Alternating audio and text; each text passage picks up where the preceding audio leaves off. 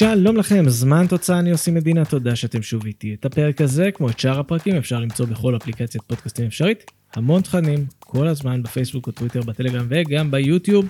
שם בכל שבוע עולה סיפור כדורגל נוסף שאי אפשר להעביר בפודקאסט ואתם פשוט צריכים לראות. יאללה, אל הפרק.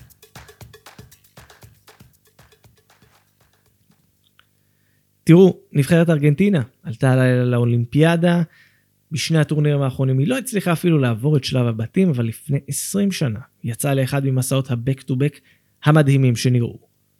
בשביל זה, בואו נצא קודם למסע היסטורי.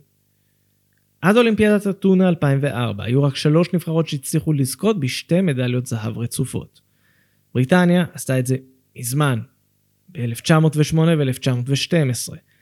אורוגוואי, השכנה, עשתה את זה ב-1924 ו-1928. הונגריה ב-1964 ו-1968. וזהו. ברזיל אגב הצטרפה לרשימה ממש לאחרונה בשתי האולימפיאדות האחרונות. נחזור לארגנטינה. בשנת 2004 המאזן האולימפי של ארגנטינה בכדורגל עמד על שתי מדליות כסף בלבד. מזכיר, מדינה שזכתה עד אותה נקודה בזמן בשני מונדיאלים. ב-1996 הנבחרת האולימפית שלה שברה בצורת של כמעט 70 שנה בלי מדליה. בטורניר באטלנטה הנבחרת של רוברטו אג'אלה, ארנן קרספו, אריאל אורטגה וגם חריגי גיל כמו רוברטו סנסיני ודייגו סימאונה לא הצליחו להתמודד עם נערי הפלא של ניגריה שרקדו על המגרש.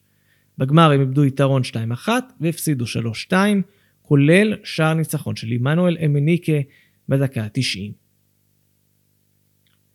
לאתונה 2004 ארגנטינה הגיעה עם תקווה מחודשת, אחרי שהיא החמיצה את אולימפיאדת סידני 2000. שלושה חריגי גיל מרגשים לכל הדעות הגיעו, רוברטו אז'אלה, שכאמור לקח חלק גם באטלנטה, גבריאל היינצה ממנצ'סטר יונייטד וקילי גונזלס מאינטר. בסגל הסתובבו צירים מבטיחים כמו חוויאר מסצ'רנו, חוויאר סביולה, ניקולס בורדיסו וקרלוס טבז. ארגנטינה התחילה את הטורניר עם שלב בתים מושלם. 6-0 מול סרביה ומונטנגרו, תוצאה שתשוחזר שנתיים אחר כך במונדיאל, 2-0 מול טוניסיה ו-1-0 מול אוסטרליה. בנוקאוט היא המשיכה לשמור על הרשת הנקייה.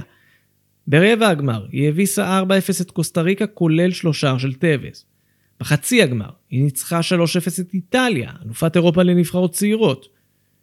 בגמר חיכתה לה פרגוואי בקרב כל דרום אמריקאי. זה אמנם נגמר רק 1-0, אבל גם שם קרלוס טבס כבש בדקה ה-18. טבס גם סיים כמלך השערים של הטורניר עם שמונה שערים.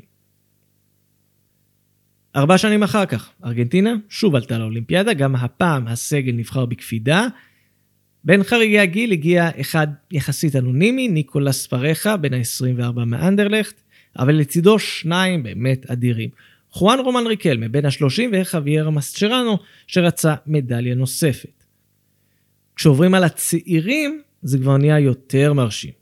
שני שוערים מבטיחים בדמותם של אוסקר אוסטרי וסרחיו רומרו. ממשיכים לאזקיאל גראי, פבלו סבלטה, אזקיאל אבצי, סרחיו אגוורו.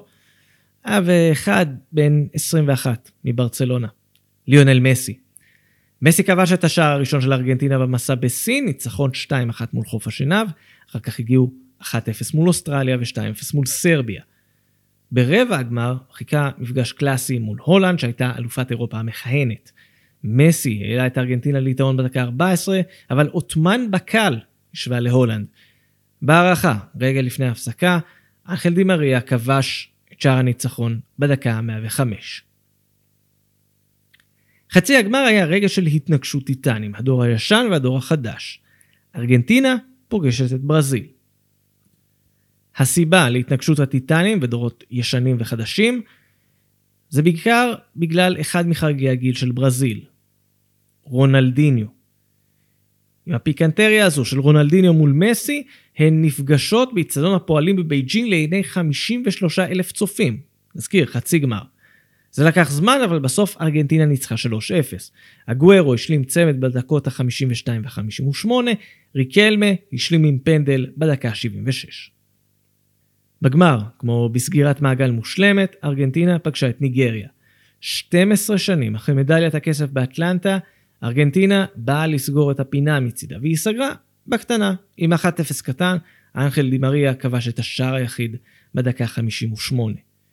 בניגוד ל-2004, שם היה מלך שערים דומיננטי, פה השערים התפזרו בין שבעה שחקנים, כשארבעה מתוכם הם המצטיינים עם שני שערים כל אחד. אחרי שתי האולימפיאדות האלה, דור הזהב והקסם של ארגנטינה כבר לא נשארו בתמונה.